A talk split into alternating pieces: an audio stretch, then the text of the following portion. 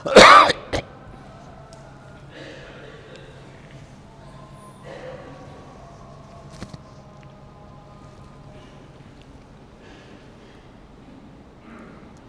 الحمد لله نحمده ونستعينه ونستغفره ونستهديه.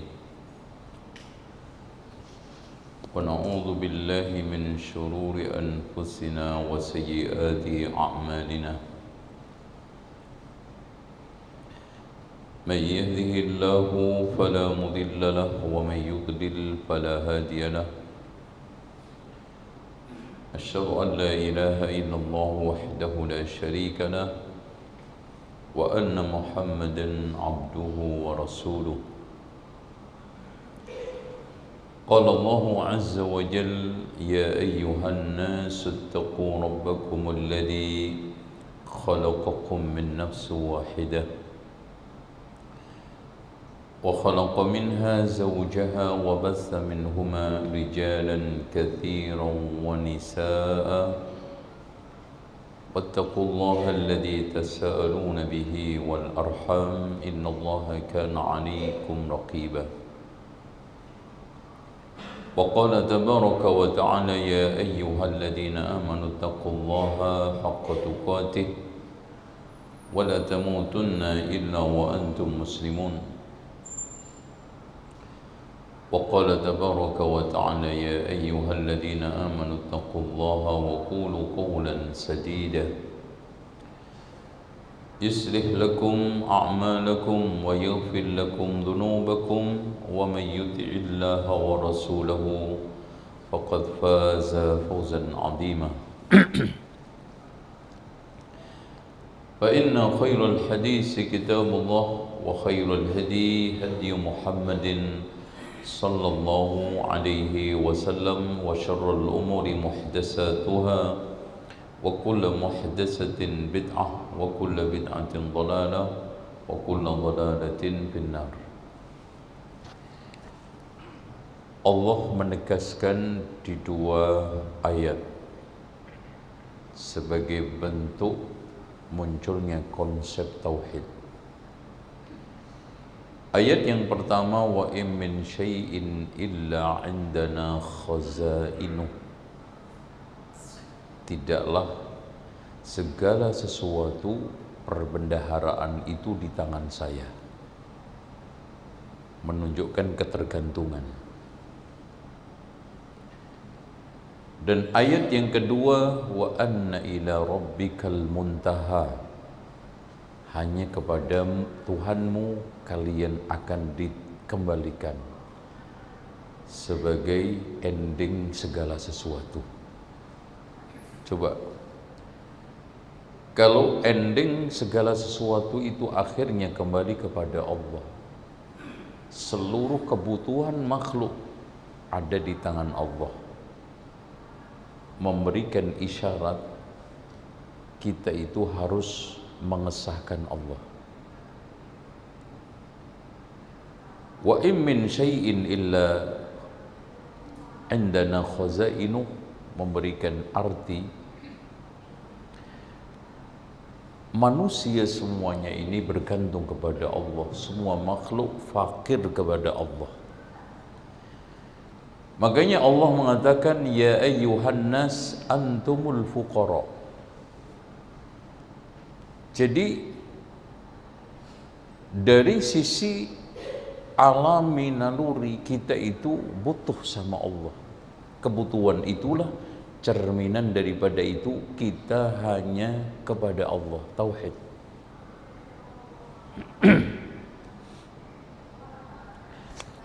Ketergantungan secara alami itu menuntut manusia untuk menyadari tidak ada yang bisa menjamin rizki kecuali Allah.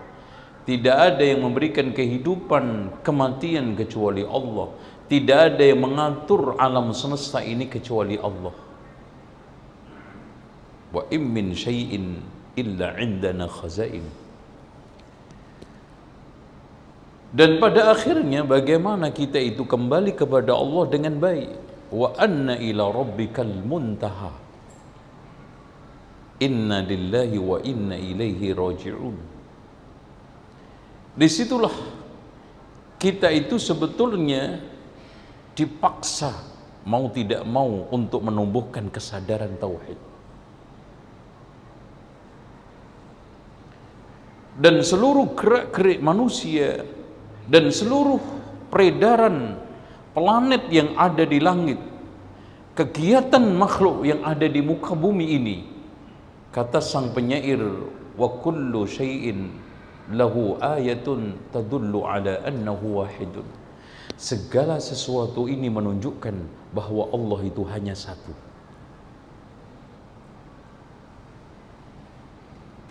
Nah pada saat itulah seorang akan dengan kesadarannya mengatakan saya kalau memang begitu patut hanya mengabdi kepada Allah iyyaka na'budu wa iyyaka nasta'in cuma hadirin sekalian menuju ke sana itu fitrah dan akal manusia ditutup oleh dua yaitu nafsu sama syaitan Setanlah yang membuat manusia akhirnya tidak seimbang untuk menerima tauhid. Nafsu itulah yang membuat manusia itu terseok-seok untuk menerima konsep tauhid. Ya, nafsu saja. Kalau tidak pada hakikatnya secara tau'an wa karha kita mengakui Allah itu Tuhan yang berhak disembah itu hanya Allah. Sehingga la ilaha illallah itu bukan suatu hal yang sekarang ini lafat saja. Konsekuensi daripada kehidupan kita, konsekuensi dari tuntutan kebutuhan kita, muslim dan kafir. Makanya orang-orang musyrik pada zaman Rasulullah, wala in sa'altahum man khalaqas samawati wal ard la Allah. Kalau seandainya mereka itu engkau tanya siapa yang menciptakan langit dan bumi Allah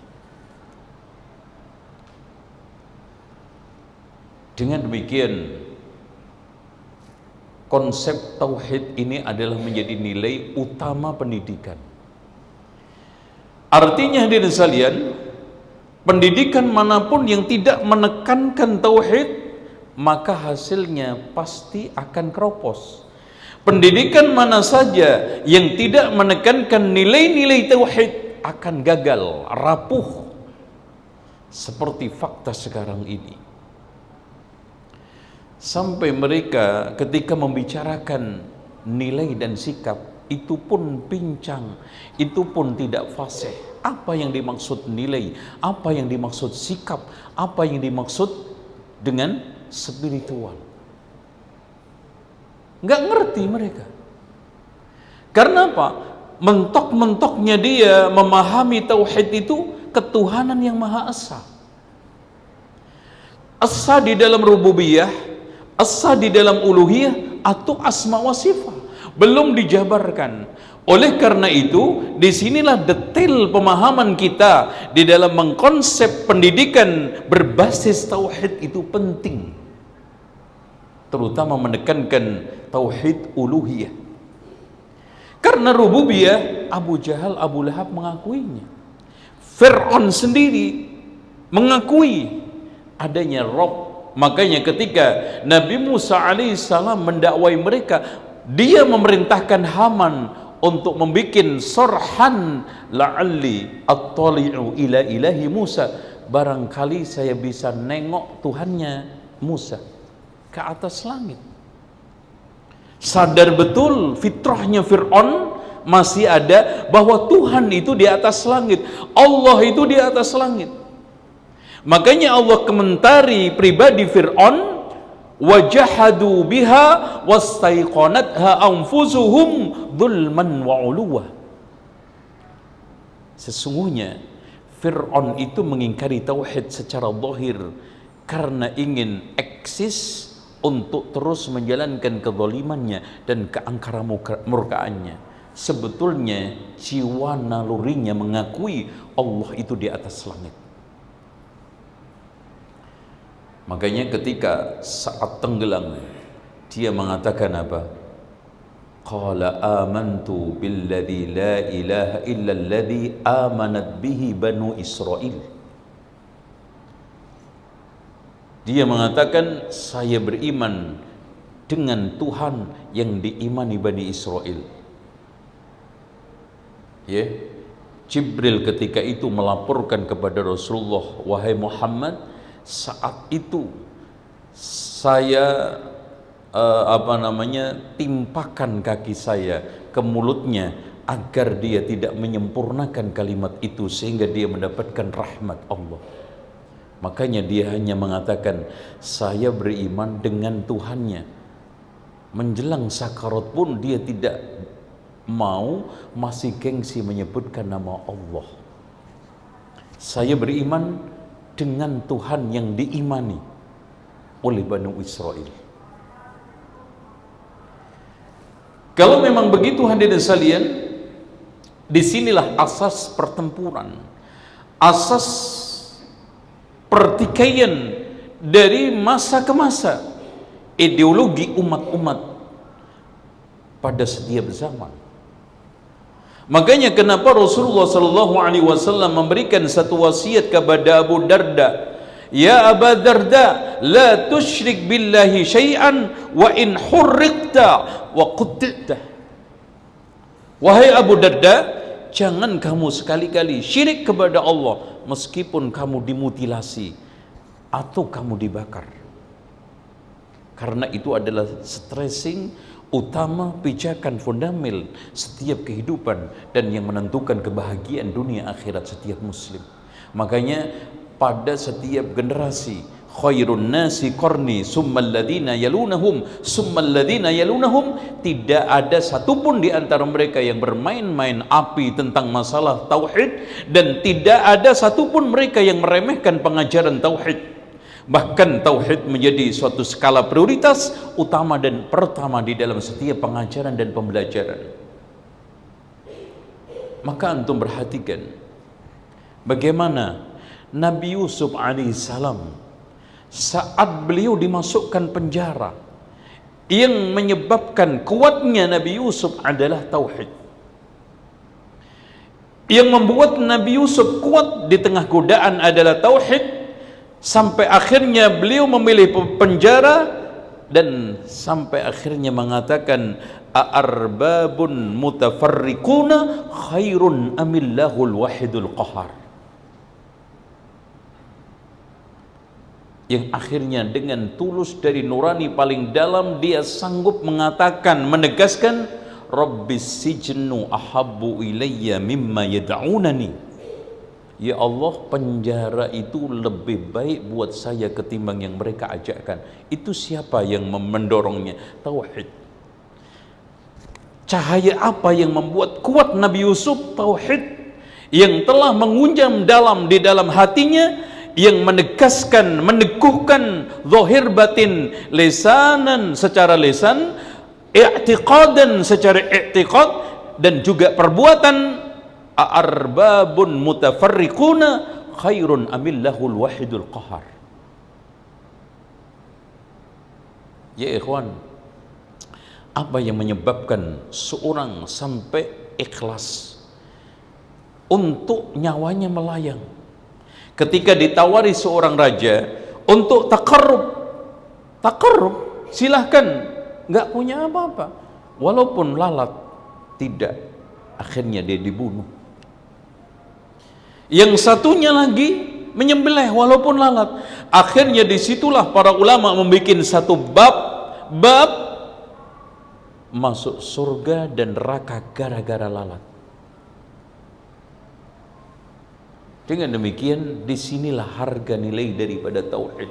Dari para rasul, para nabi, dari masa ke masa selalu menekankan tauhid. Karena jiwa tauhid itu adalah menghiasi seluruhnya. Kenapa Pak? Ilmu itu kan tergantung syaraful ma'lum. Kemuliaan yang diketahui. Tidak ada sesuatu yang paling mulia kecuali Allah. Makanya mengenali Allah itu paling mulia. Makanya syaraful ilmi yata'allaku bi syarafil ma'lum. Kemuliaan ilmu tergantung kemuliaan apa yang ingin diilmui, diketahui dan tidak lain adalah Allah. Dengan demikian ilmu itu ada tiga. Yang pertama adalah al-ilmu billah, ilmu tentang Allah. Yang kedua, al-ilmu bidinillah. kaitannya dengan agama Allah yang isinya perintah dan larangan dan yang ketiganya al ilmu bijazaillah ilmu tentang balasan Allah surga atau neraka disilah digolongkan oleh Imam Abu Hamid Al-Ghazali di dalam kitab Ihya-nya ilmu fardu ain.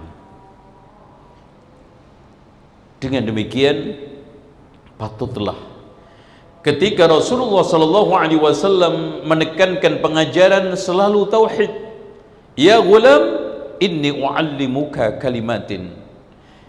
Mu'ad ya Mu'ad ma haqqullahi 'ala al-ibad wa haqqul ibad 'ala Allah 'ala Allah tauhid.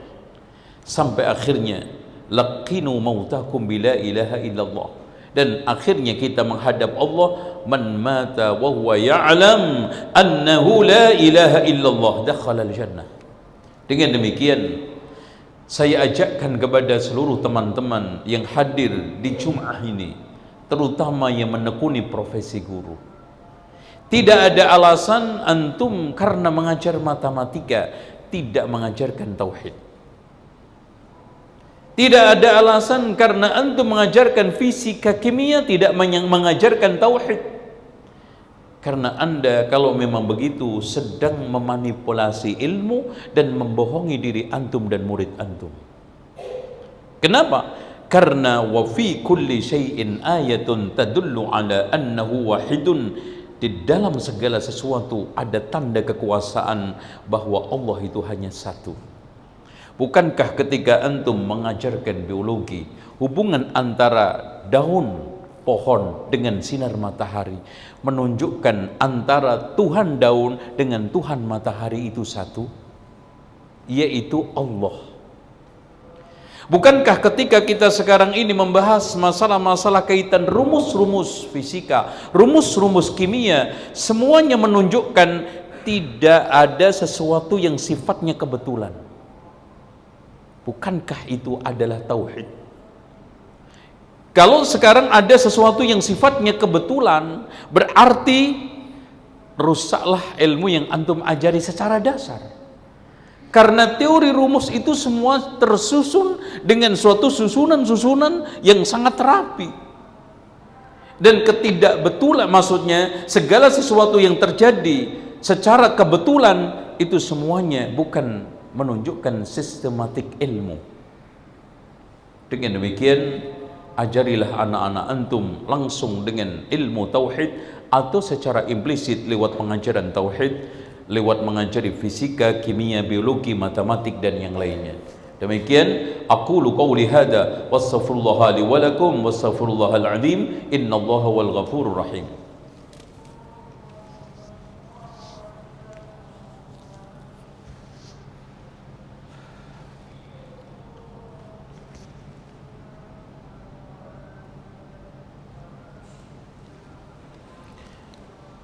الحمد لله الذي أرسل رسوله بالهدى ودين الحق ليظهره على الدين كله ولو كره المشركون.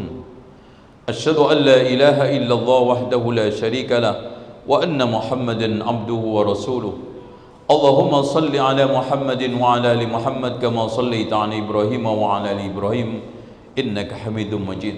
وارض اللهم عن الخلفاء الراشدين أبي بكر وعمر وعثمان وعلي وعن الصحابة والتابعين والتابعين التابعين برحمتك يا أرحم الراحمين. اللهم اقسم لنا من خشيتك ما تحول به بيننا وبين معصيتك ومن طاعتك ما تبلغنا به جنتك ومن اليقين ما تهون علينا مصائب الدنيا. اللهم متعنا بأسمائنا وبصارنا وقوتنا. أبدا ما أحييتنا واجعله الوارث منا. واجعل ثأرنا على من ظلمنا. وانصرنا على من أدانا ولا تجعل مصيبتنا في ديننا. ولا تجعل الدنيا أكبر همنا. ولا مبلغ علمنا. ولا تسلط علينا من لا يرحمنا. ربنا لا تؤاخذنا إن نسينا واخطأنا ربنا. ولا تحمل علينا إسر كما حملته على الذين من قبلنا. ربنا ولا تحملنا ما لا طاقة لنا به. واعف عنا واغفر لنا وارحمنا. أنت مولانا فانصرنا على القوم الكافرين. اللهم أرنا الحق حقا وارزقنا اتباعه وأرنا الباطل الباطل وارزقنا اجتنابه. ربنا لا تزغ قلوبنا بعد إذ هديتنا وهب لنا من لدنك رحمة إنك أنت الوهاب. ربنا ظلمنا أنفسنا وإن لم تغفر لنا وترحمنا لنكونن من الخاسرين. ربنا اغفر لنا ولإخواننا الذين سبقونا بالإيمان ولا تجعل في قلوبنا غلا للذين آمنوا. ربنا إنك رؤوف رحيم. ربنا آتنا في الدنيا حسنة وفي الآخرة حسنة وقنا عذاب النار. عباد الله إن الله يأمر بالعدل والإحسان وإيتاء ذي القربى وينهى عن الفحشاء والمنكر والبغي يعظكم لعلكم تذكرون. ولذكر الله أكبر. أقم الصلاة.